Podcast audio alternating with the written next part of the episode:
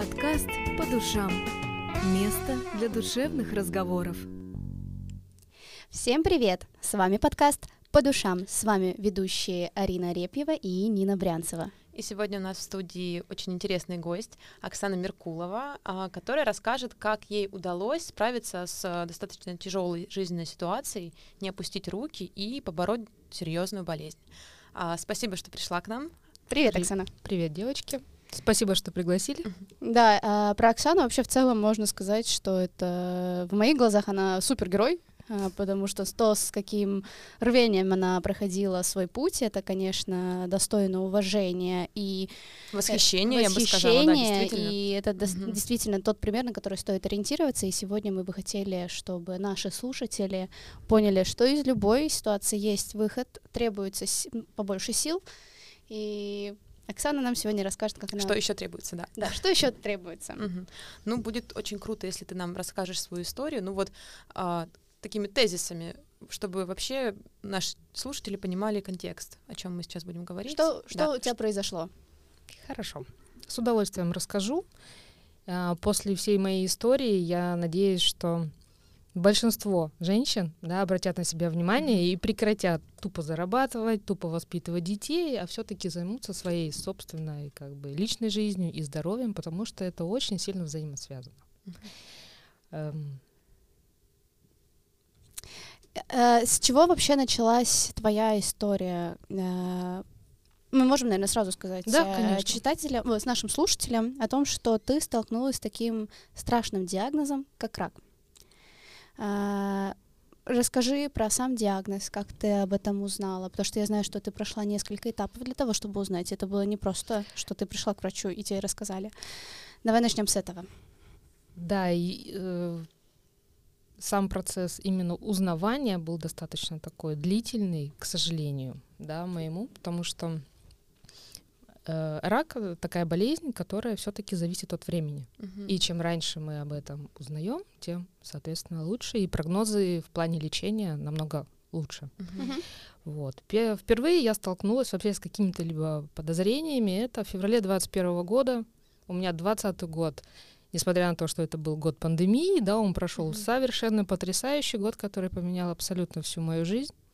Вот, я занялась собой, да, так как появилось время, нас посадили. Mm-hmm по домам, да, я питание наладила, да, походы в спортзал, то есть полностью поменяла свой образ жизни и добилась той фигуры, например, которой я так давно хотела, да, я была просто самым счастливым человеком, да, ну и скинув с себя 17 килограмм лишней массы, угу. я обнаружила у себя, ну, небольшое уплотнение. Угу. Все, с этого момента вот и, скажем так, началось. Это был у нас февраль 21 года естественно, да, как человек наслушавшийся, насмотревшийся всякой информации, угу. я в колокол паники. Угу. То есть просто так нащупать, сказать, угу, что-то странное, да, надо бы к врачу обратиться. Нет, это не так. Это сразу в голове все. Угу. Страшные картинки, трендец, да, давайте быстрее звоним врачу. Угу. Ну, не знаю. К счастью, к сожалению, да, не будем, наверное, мы говорить о том, как наши врачи на все это дело mm-hmm. реагируют, да. Мне, скажем, не дали э, той того, того внимания, которое я требовала в тот момент. Uh-huh. Опять же, разгар панд- пандемии, семейные uh-huh. врачи не принимали да, живых пациентов, в основном все было по телефону. Да, мне сказали, что ты паникуешь, давай мы тебе УЗИ сделаем. Uh-huh. И там посмотрим. Ну, если видно даже уже становилась невооруженным взглядом, да, вот как угу. бы что что-то есть данного угу. образования. Ну, на УЗИ врач сказал, ну чего, у вас возраст, такое бывает. А, угу. ничего себе. Да, Мы можем спросить, сколько тебе лет было? На Нет. В 21 году. Ну, давай, бескромный вопрос. Не, без проблем. Либо можешь сказать там промежуток. 42. То есть у нас для врачей 42, 42 это уже возраст. Ну, вообще, да. И я услышала, ну, кстати, насчет себе. возраста еще mm-hmm. от э, офтальмолога. Mm.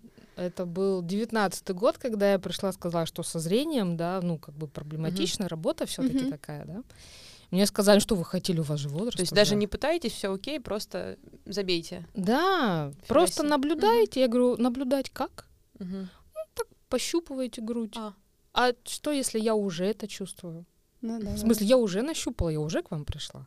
Ну, наблюдайте. Если что-то, приходите. Так уже что-то произошло, да? А Что должно еще произойти? а У меня вот мне вопрос. тоже было интересно, что еще должно произойти, Мгм. если ты не нащупал, например, ну, а что еще? Как, как еще? Дальше уже что? А дальше на самом деле уже, когда идет развитие опухоли, да, Мгм. там уже и грудь деформируется, и Мгм. сосок иногда вваливается, Мгм. уж извиняюсь за такие подробности. То есть там уже стадия другая. Мгм. Да, поэтому, ну, я как человек, сам профессионал в своем деле, и я доверяю всем профессионалам своего дела. Да, я как бы успокоилась, ну окей.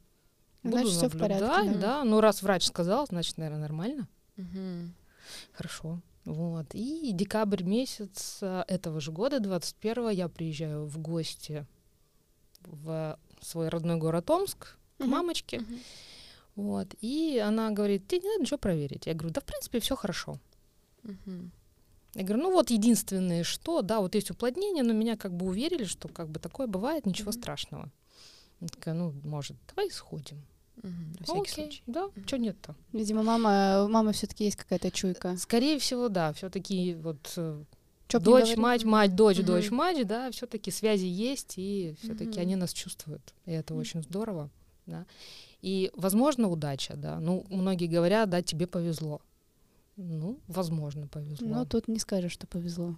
Вообще. Ну, могло бы быть хуже, Могло конечно, быть но хуже. Могло да, бы быть и к лучше. примеру, да. конечно, но могло бы быть намного лучше. Могло, я бы могла вообще избежать. Да, диагноза, если бы если обратили бы внимание сразу, Да. да. Мгм. А сколько, Вот. получается, прошло между тем, как Февраль, вы- декабрь. февраль, декабрь, то есть год Практически год, год, Мгм, да. И мгм, все вот это вот переродилось, к сожалению, уже в злокачественную опухоль за Мгм. этот период. Мгм. Да. И это дело под Новый год, 29 декабря. За деньги в России можно сделать все в любое время, в отличие, Мгм, да, как от мгм. нас, что нас, к сожалению, нужно ждать какой-то период времени, пока тебя примут врачи. И я иду, и первое, что мне врач на УЗИ говорит, а где вы, простите, делали обследование до того? Мгм. Я ему объясняю. Он такой, я вам настоятельно рекомендую сделать маммографию и обратиться к врачу-онкологу. Мгм. Вот тут у меня были глаза большие. Мгм.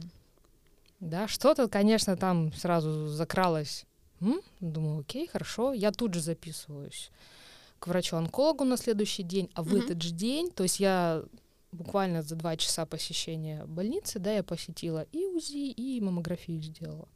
Ну, так, Невероятно. чтобы для галочки. Да, да, да. Прошла, все, убедилась, что все хорошо и отлично. Мгм.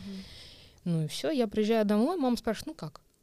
Я говорю, да как-то вот сказал. Ну, пугать-то мне тоже не хочется, Ну потому да. что Ну я да, сама да, еще да. ничего не знаю. Мгм. И сказала, что ну вот есть небольшая опухоль, да, но опять же неизвестно, доброкачественная, злокачественная. Мне об этом никто ничего еще не сказал Мгм. на тот момент. И все окей. Я говорю, рекомендовал к мологу. Все, я записалась. Она Мгм. такая, ну, молодец. Мгм.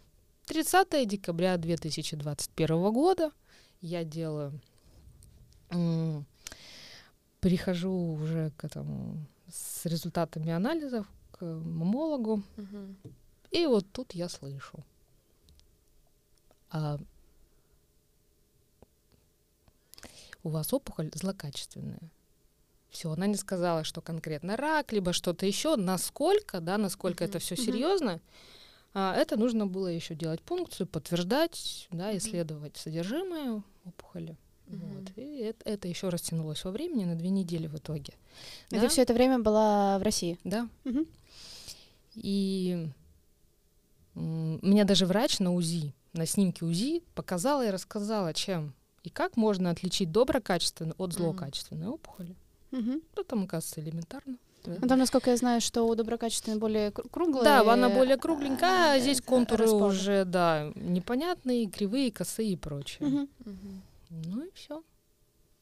Что и ты в пошел этом процесс ожидания. Что ты в этот момент испытала? Первый раз, когда тебе сказали, что не назвали конкретный диагноз, сказали, что у тебя злокачественная опухоль, что ты в этот момент почувствовала, какие эмоции тебя накрыли?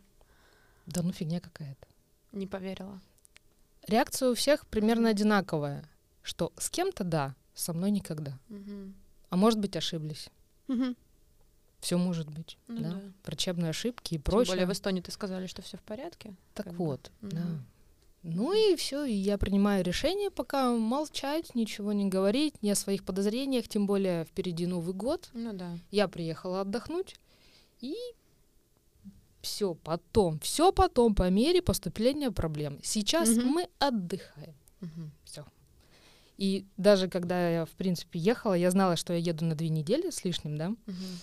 в Россию, и у меня было такое ощущение, что вот оно время, когда я смогу там что-то почитать, наконец-то заняться марафонами, которые у меня куплены, особенно психологическими, все, планшет с собой, тетради с собой, все с собой, все, Ре- перезагрузка. Ретрит такой. Да, и я большими буквами в сторис в Инстаграм, все, я уезжаю на перезагрузку, вернусь другим человеком.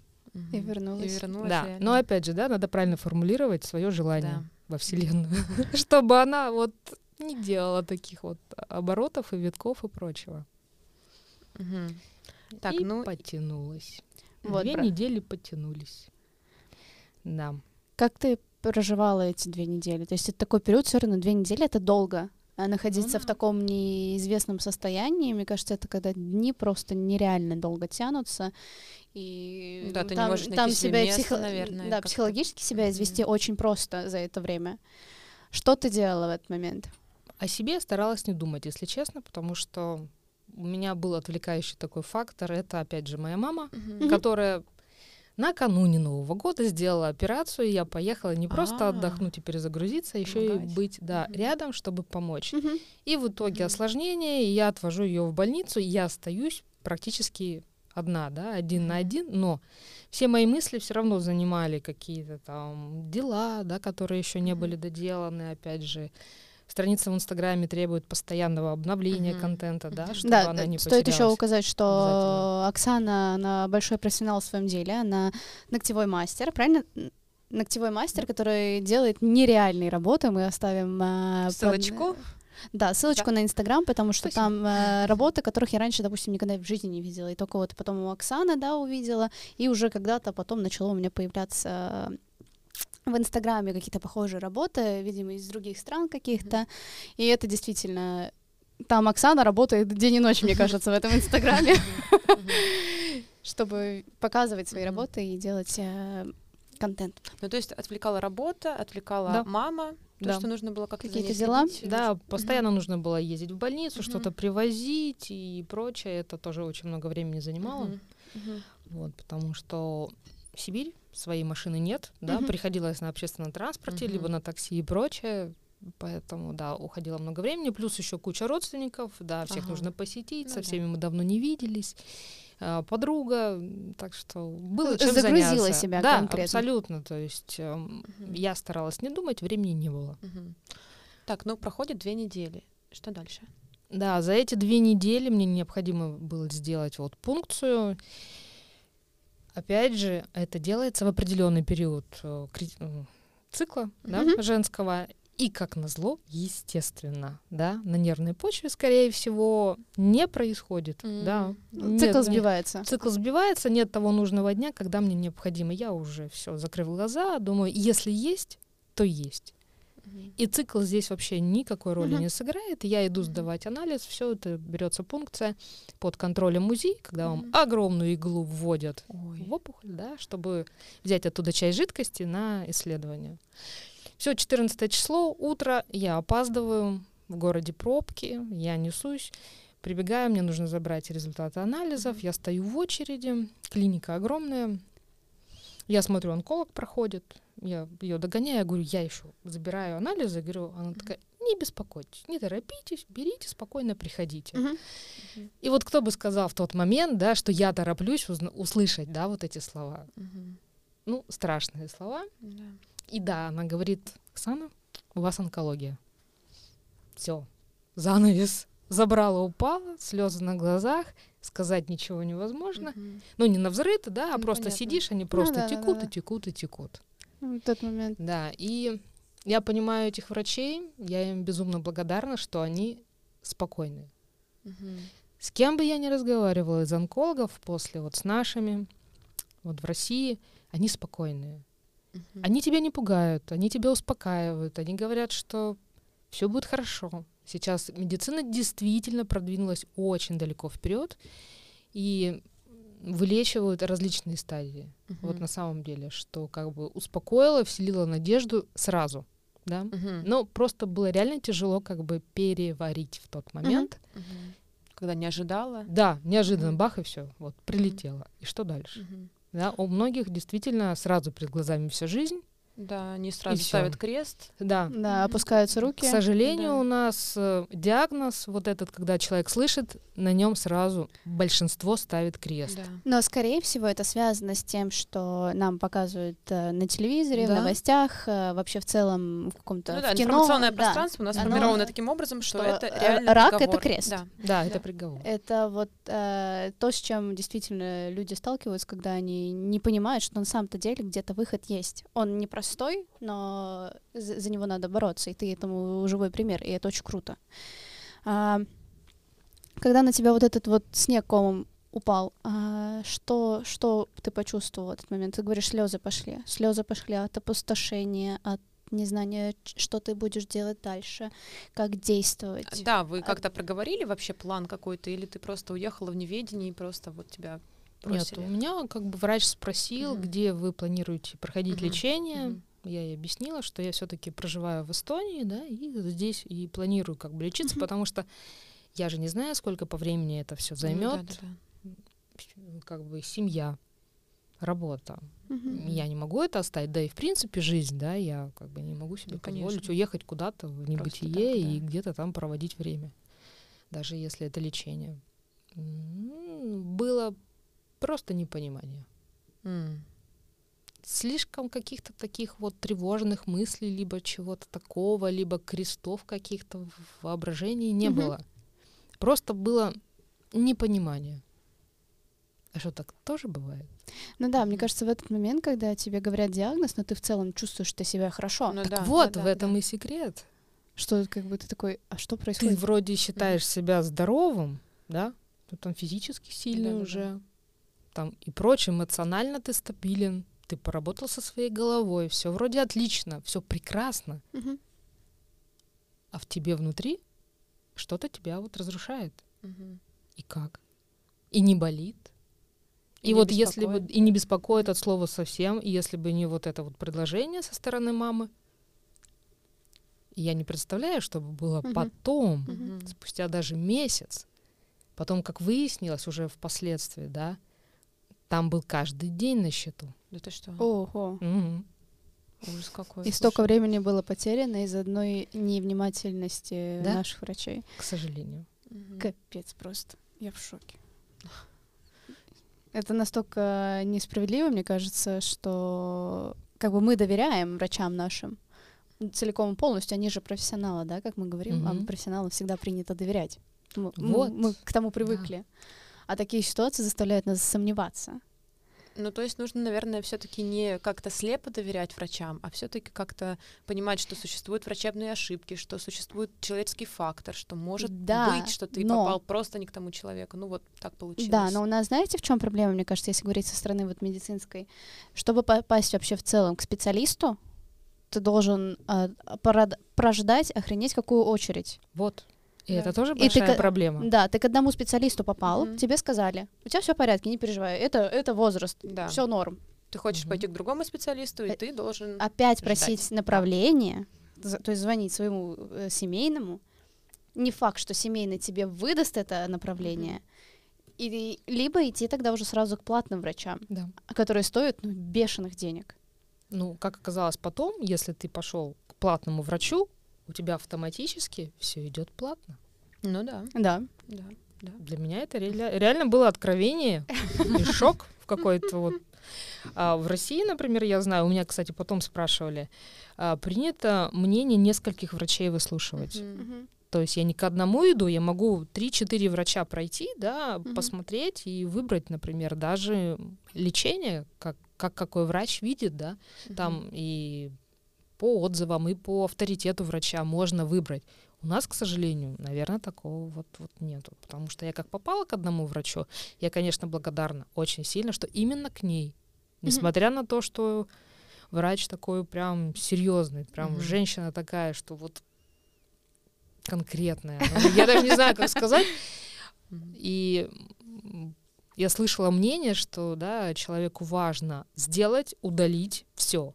Последствия Неважно. Мгм. Да? Главное, э, Да. тут Главное сделать, вылечить человека, да. А как там красиво, некрасиво будет шов, к, к примеру, Мгм, да, либо мгм. что-то вот такое эстетика, да, эстетика, допустим, не для, да, не в Мгм. приоритете для этого человека, да, но впоследствии, когда все произошло, уже и лечение прошло, и операция прошла, я, конечно, безумно счастлива, благодарна именно, именно ей, именно потому что она такая. Мгм. Слушай, а сколько у тебя заняло лечение, грубо говоря, вот с постановки диагноза до момента, когда тебе сказали, ну все. Ну, все, например, да, мне сказали через неделю после операции. Ага. Это было 21 июня 22 года. Да? А диагноз поставили четко и подтвердили уже здесь, да, ам, 24 января. И какая Мгм. стадия была? Вторая. Вторая стадия. Вторая стадия уже была, хотя в России ставили пограничную между первой и второй, да, но Ну, они, у тебя не, ви- месяц прошел как раз. но они не видели лимфоузлов. А, У меня проблема в том, что была опухоль агрессивная, быстро очень растущая, да, и она не то, что она сама по себе была небольшая, да, там до двух сантиметров, но у меня уже лимфоузлы были задеты, то есть метастазировала уже туда. Мгм. мгм. В этом уже и была проблема, то есть он чуть дольше, и он пошел бы уже дальше, по- дальше по организму. Лимфатическая система, к сожалению, это транспортная система для раковых клеток по всему организму. И как Мгм. только лимфоузлы, все, приехали. Мгм. Тогда начинается более агрессивное да, Да. лечение. Мгм. Сразу химиотерапия. Ну, опять же, на момент, э, когда я узнала диагноз, э, уже да, подтвержденный, я приняла решение. Это, я так понимаю, для меня это было был инстинкт самосохранения. Мгм. Не читать, Правильно. не искать информацию. Все, я доверилась, меня лечите. Мгм. Все, что и- информацию, все читал у меня муж, он так Мгм. мне дозированно по чуть-чуть выдавал. Мгм. Там-то такое лечение нашли, там-то вот такие методы лечения. Говорит, «Ну, если что, туда-сюда, Мгм, все мгм. нормально будет. Как-то и вот это его спокойствие, да, вот это, оно, наверное, как-то тоже сыграло свою роль, да, что без истерик, без скандалов, без ничего, вот как-то все прошло хорошо и спокойно. Мгм. Несмотря на то, что, да, лечение было тяжелое, и он видел все, да, Мгм. какая я была, без волос, без ресниц, без бровей, без ничего, Ой. хорошо, мне Мгм. плохо после химиотерапии. То есть все было на его, на его глазах. Мгм. Мгм. Так, слушай, ну получается, в июне у тебя прошла операция, да? Прошла операция, Мгм. да, И после через- этого началась реабилитация, я так понимаю. а, после операции, да, было э, практически два месяца на восстановление, Мгм. и а, а середина августа, середина сентября 20 сеансов еще лучевой терапии. Мгм. И вот после этого, да, лечение было закончено. Мгм. То есть 7 сентября это был последний день лучевой терапии, а дальше уже пошла чисто реабилитация и восстановление. С какими Мгм. последствиями ты столкнулась? А, Ну, для меня в данный момент самое, наверное, такое страшное последствие — это лимфостаз, это отек руки лимфатический, который, к сожалению, опять же, да, он это, это уже болезнь считается, и оно ну, практически неизлечимо. Мгм. То есть он только увеличивается со временем, к сожалению, да. Ну, вот я попала в те 90%, которым не повезло. да. Мгм. Опять же, как говорят врачи, это необходимое зло. Да, удалить лимфатические узлы, а их невозможно удалить поштучно, их удаляют А, кучкой. Мгм. Да, допустим, как я уже впоследствии прочитала в своих документах, что три было поврежденных изначально, Мгм. да, а удалено 14. Ого. Мгм. А невозможно их оттуда вот выделить, да, и убрать. Мгм. Поэтому удаляется весь вот сегмент. Мгм. Так что привет, лимфатический отек. Я надеюсь, ты со мной ненадолго. То есть все-таки есть какое-то решение этой проблемы? А, В нашей стране и близлежащей, к сожалению, это э, консервативные методы да, лечения лимфостаза. То есть это специальные лимфатические лимфодренажные массажи делают только специалисты. К простым нельзя массажистам ходить. Вот. Потом ношение трикотажа специального, и этот трикотаж вас сопровождает до конца вашей жизни, Мгм. к сожалению. Да. Ну, тейпирование, да, сейчас я к вам, Мгм. чтобы прийти красивая, да, я без рукава, да, с тейпами во всю спину. Вот. И бинтование, если уже там сильнее разрастается, да, эта проблема, то уже занимаются бинтованием специальным и таким образом хотя бы удерживают отек, да, ну, в одной стадии Мгм. стараются. Вот. Ну, э, 16 июня у меня предстоит следующая операция, и она будет проходить в Москве, да. Мгм. Там есть клиника, которая занимается хирургическим лечением. Мгм. Да, метод э, уже достаточно распространен. Я понимаю, что не во всех странах это возможно, потому что подготовка специалистов безумно дорогая. Это Мгм. микрохирурги. Мгм. Вот, ам, да, отсюда все и проблемы, наверное, вытекающие. И там хирургическим путем могут помочь восстановить мне как бы вот именно вот лимфоток по всей руке. Мгм. Мгм. То есть, в принципе, это тоже а, есть выход. Есть Можно выход, слава богу, да, есть выход, и он был найден, и в феврале месяце я была на консультации, мне делали лимфографию, я видела все эти лимфатические сосуды, где отеки локализуются, да, и мне объяснили, что поставили мне первую стадию лимфатического отека, и что я очень сильно вовремя пришла. Опять Да. вовремя. Опять же, Мгм. вовремя, да, ну, потому что у меня паранойя началась с первого дня после операции. Мгм. Я как увидела слово лимфостаз, возможное, да, Мгм. побочное явление, и все, я начала уже искать, рыть информацию, Мгм. и вот да, много, много чего теперь знаю. Вот, и да, еду. Слушай, если подытожить, ты уже называла, мне кажется, в процессе своего рассказа, но вот еще раз, а, какие, может быть, факторы, что именно тебе помогало именно морально вот проходить весь этот путь? Ну вот поддержка мужа, я так понимаю, потом еще какие-то вещи, вот, может быть, отвлекающие. А ты про Мгм. животных, по-моему, что-то говорила. Да, в тот период у меня появилось животное, мое маленькое чудовище, которое зовут Эбби. Потрясающая совершенно кошка. Это кошка-собака. Это как? Это как а, обычные кошки как вас встречают, когда вы приходите домой? Ну, У меня дома кот. Э. Он такой посмотрел, Кто здесь? Мау, пошел к миске, типа, где еда? Слушай, это еще хорошо, некоторые просто игнорируют. Нет, у нас получается так, что если нас пару часов нет, тогда он э, приходит встречать. Мгм. Типа такой мяу-мяу-мяу. а, иногда даже погладить дает. Мгм. А когда мы ушли и буквально через минут 20 вернулись, да, там в магазин сходить, Мгм. а, то он посмотрел такой и дальше лежит. Мгм. Так вот у нас не так. Вы приходите домой, там все, там только вы к двери подходите, ключ вставляете, там уже крики. Вы открываете, это чудо тебе рада, оно трется вокруг ног, Ой. потом бегом бежит на кровать и начинает кувыркаться, как Ой. собака. Реально собака. Да, Обалдеть. то есть это, это животное, которое всегда Мгм. рядом. Это как попугай, да, на плече у Мгм. Флинта.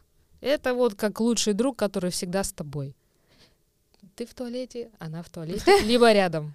Ты дверь закрыл, крики, открой.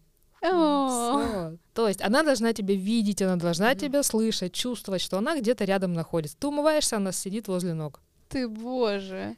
Ты на кухне, она с тобой на кухне. То есть она все. Это, э, я не знаю, возможно, это особенность породы, но у этого товарища личность такая, что вот в одной фразе «Человек, иди сюда, я тебя залюблю, даже если ты не хочешь». Все. А что за порода? Корниш Рекс. Очень красивая кошечка. И Она очень своеобразная, грациозная, Мгм. прям такая вот вся. Ну Мгм. вот, она собачка. наша И она тебя спасала в этот момент. Да, она... Причем было принято решение, 24 числа я узнаю, а, как будет проходить лечение, да, сколько химиотерапии мне предстоит, насколько я примерно прикидываю, да, растянется все это дело. И 25 я говорю, мой день рождения, я говорю, все, не могу, нужен код, срочно.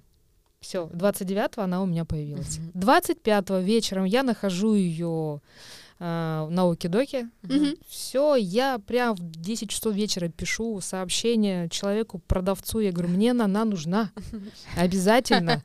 И она еще свободна. Утром прилетает сообщение, да, свободно, можете забрать, но мы живем в Даугавпилсе. Я такая, мне все равно, где вы живете, мы приезжаем. Все, 29-го мы ее уже привезли домой. Класс. Обалдеть. И все. И вот она со мной, вот прям вот как мой, ну да, как попугай на плече у Флинта, она со мной вот в вагоне, в воду и везде, и всякое разное. Блин, Она здорово. реально спасала очень Мгм. сильно. Тем более такое общительное животное. Мгм. вот, с ним можно и поговорить, Ну Ну да, да. да, да, да. как оказалось. Да, знаете, говорят же, что кошки лечат, когда ложатся на вас и мурлыкают. Это- Это, это не то. Не то? Она больше Мгм. как психолог, наверное. Да, она не как врач, который реально Она вас лечит, а она чисто психолог вообще. Да, Ну, кошка это замечательно. А что еще спасало, наверное, больше всего, это мой блог в. Инстаграм. Да, я приняла решение, что я буду рассказывать об этом еще в день, когда я озвучила свой диагноз всем своим родственникам. Это было 14 января. Я сказала, мама, тетушка, бабушка, вы как хотите. Я понимаю, у вас, возможно, мнение будет другое, но я буду об этом говорить. Мгм.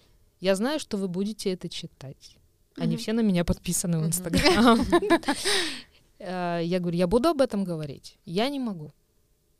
Но начала я об этом рассказывать уже в феврале месяце только.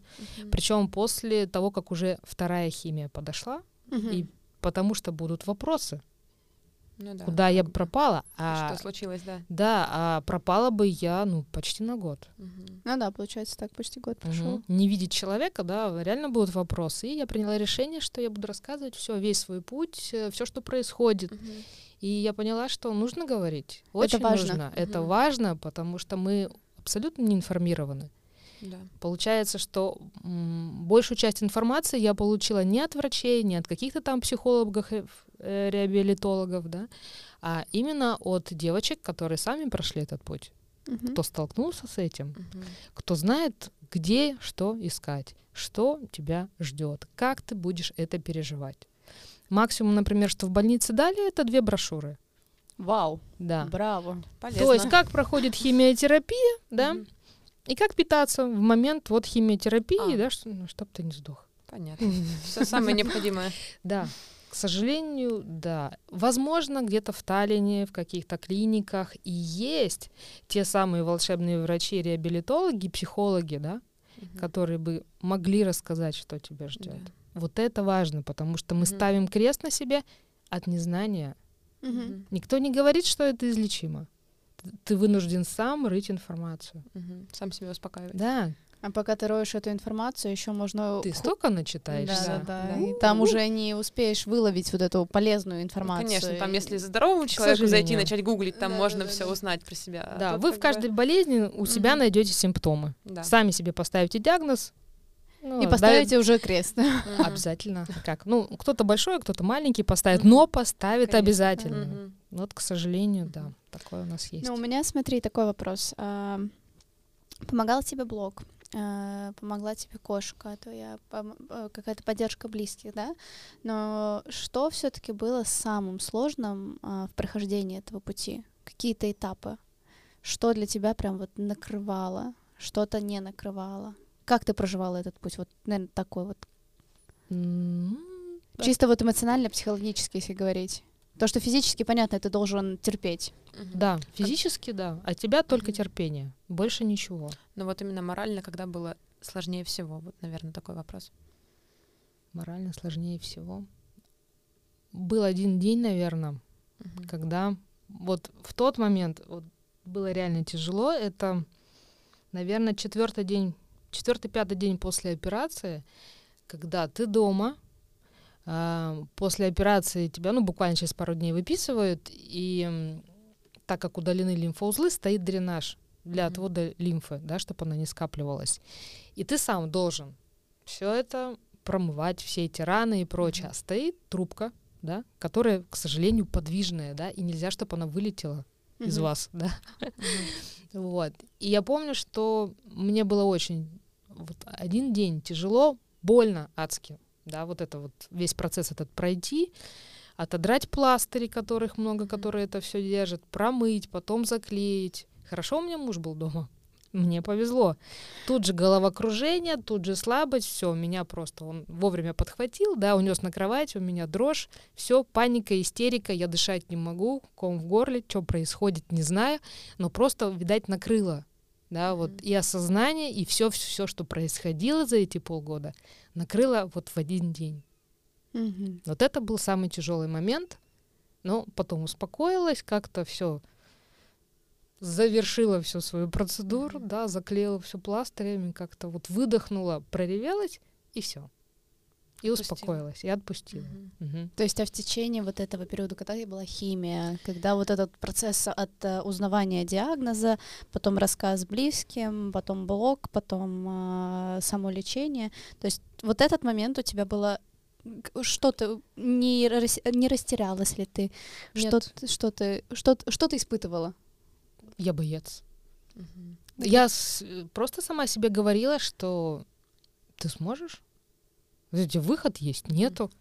Реветь не вариант а, себя как-то укорять в чем-то, да, особенно, да, кстати, очень много людей, кто мне писал, писали слова поддержки, очень большое количество, но попадались такие сообщения, что, Оксана, а вы не думаете, что вам это за что-то прилетело, что это вам наказание за что-то? Что? Я говорю, вы шутите? В смысле наказание? Просто как случилось, так случилось. То есть я не буду искать, за что мне это, да а вот, типа, да-да-да, это обиды, прочее, Ой. там, и вот, вот, знаете, вот это, это вот можно всё. очень сильно погрязнуть в таком. Так, конечно, а смысл? Чем мне это поможет сейчас? Ничем. Все, до свидания. Да, я убираю эти мысли из себя. Угу. Я всегда говорила, что впадать в истерику, плакать, себя жалеть, мне не принесет это пользы.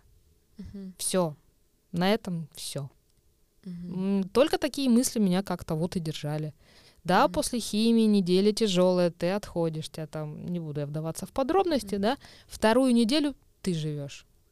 Ты реально живешь, ты красивая, брови нарисовала, ресницы наклеила, макияж сделала, красивый яркий потлоток одела и пошла в люди.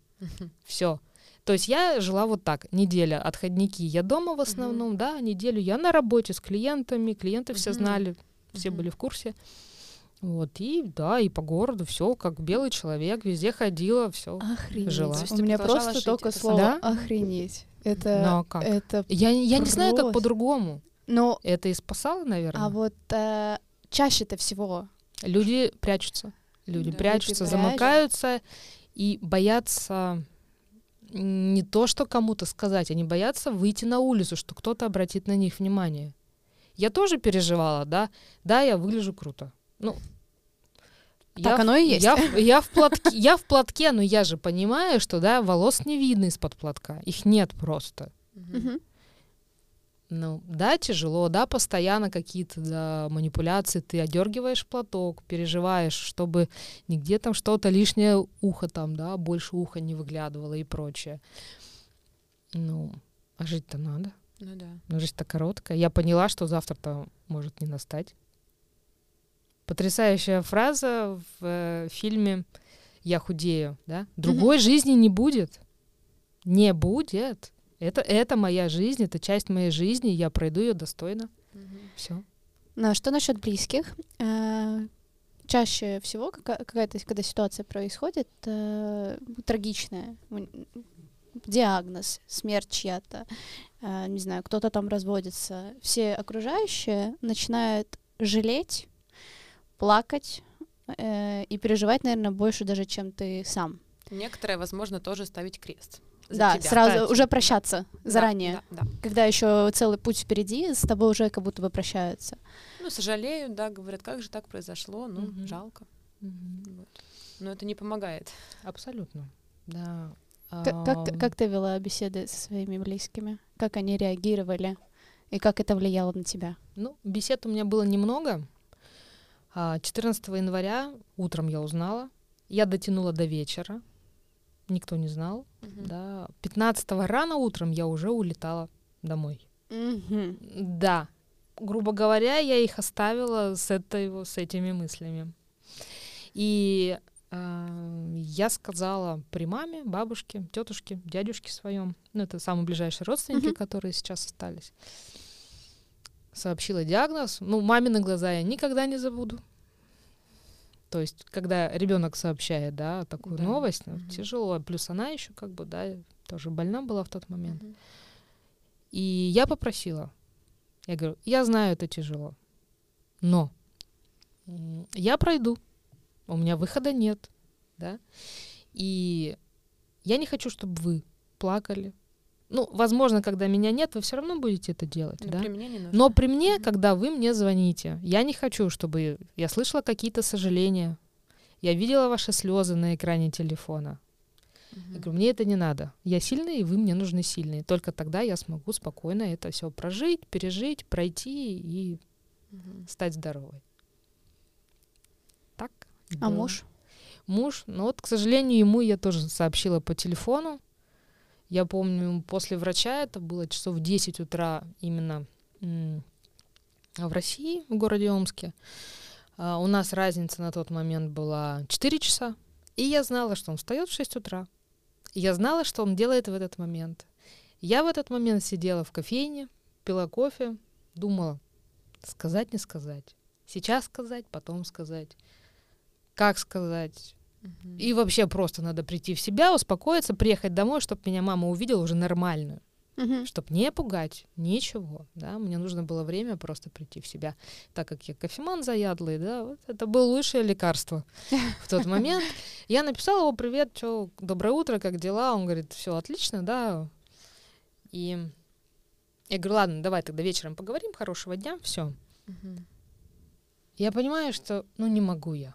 Я не могу не сказать, да, это самый близкий человек, и он как бы достоин знать самым первым, да. Неважно, что я сообщаю не самую радостную новость, В горе и здравии. да, Да.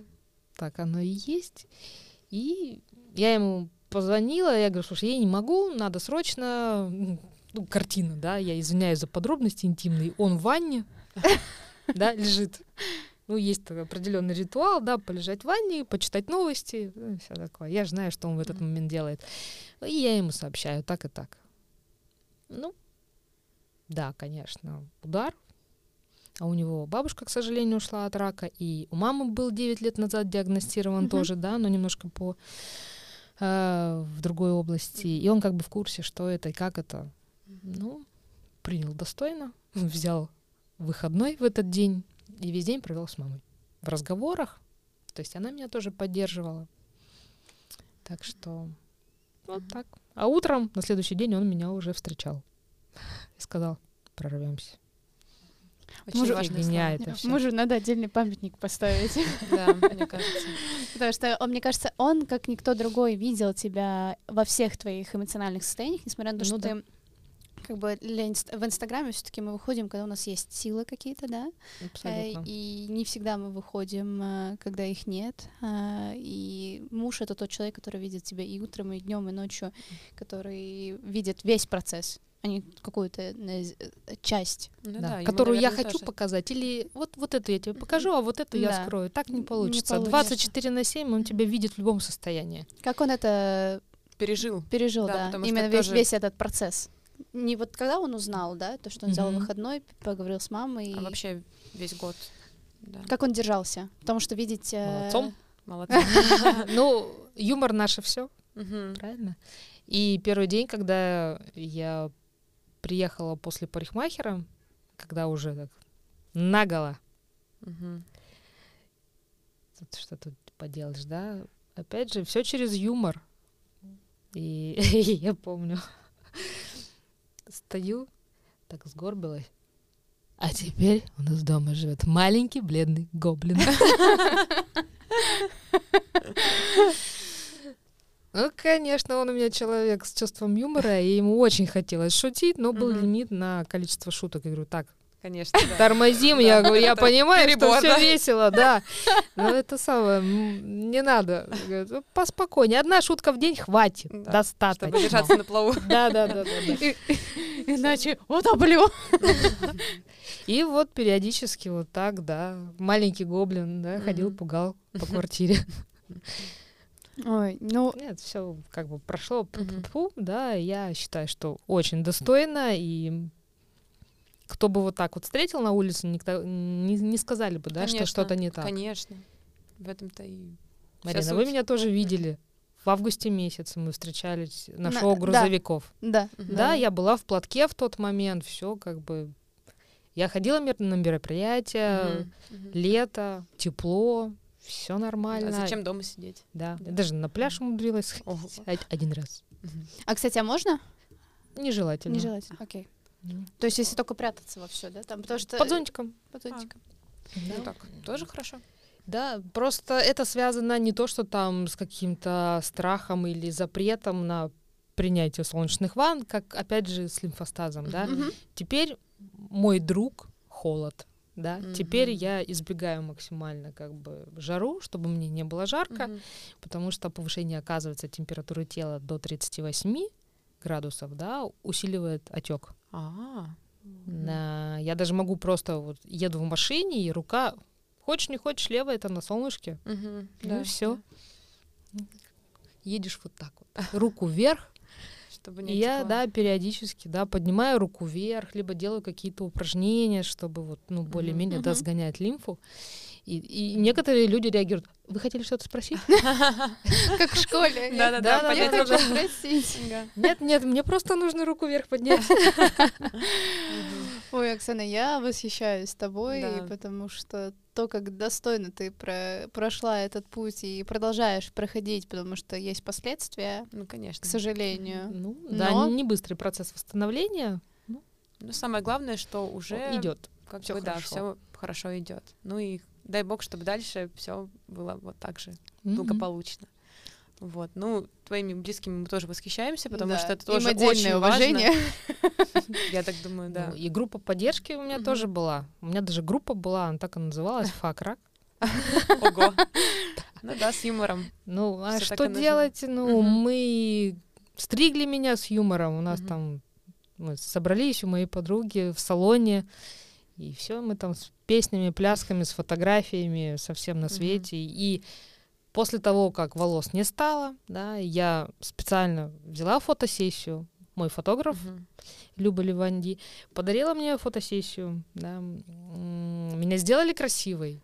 Ой, да, это та невероятная фотосессия с красками. Да. И мы искали красоту всегда, да, и я должна была видеть себя красивой, я должна была себя чувствовать хорошо.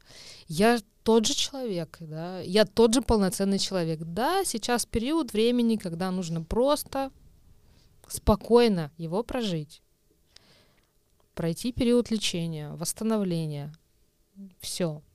Все остальное это, это я. Да. Я люблю красоту, я люблю фотосессии, я маньяк. Все, и мы отманьячили так круто, что фотографии просто потрясающие были. Я думаю, мы Божественные.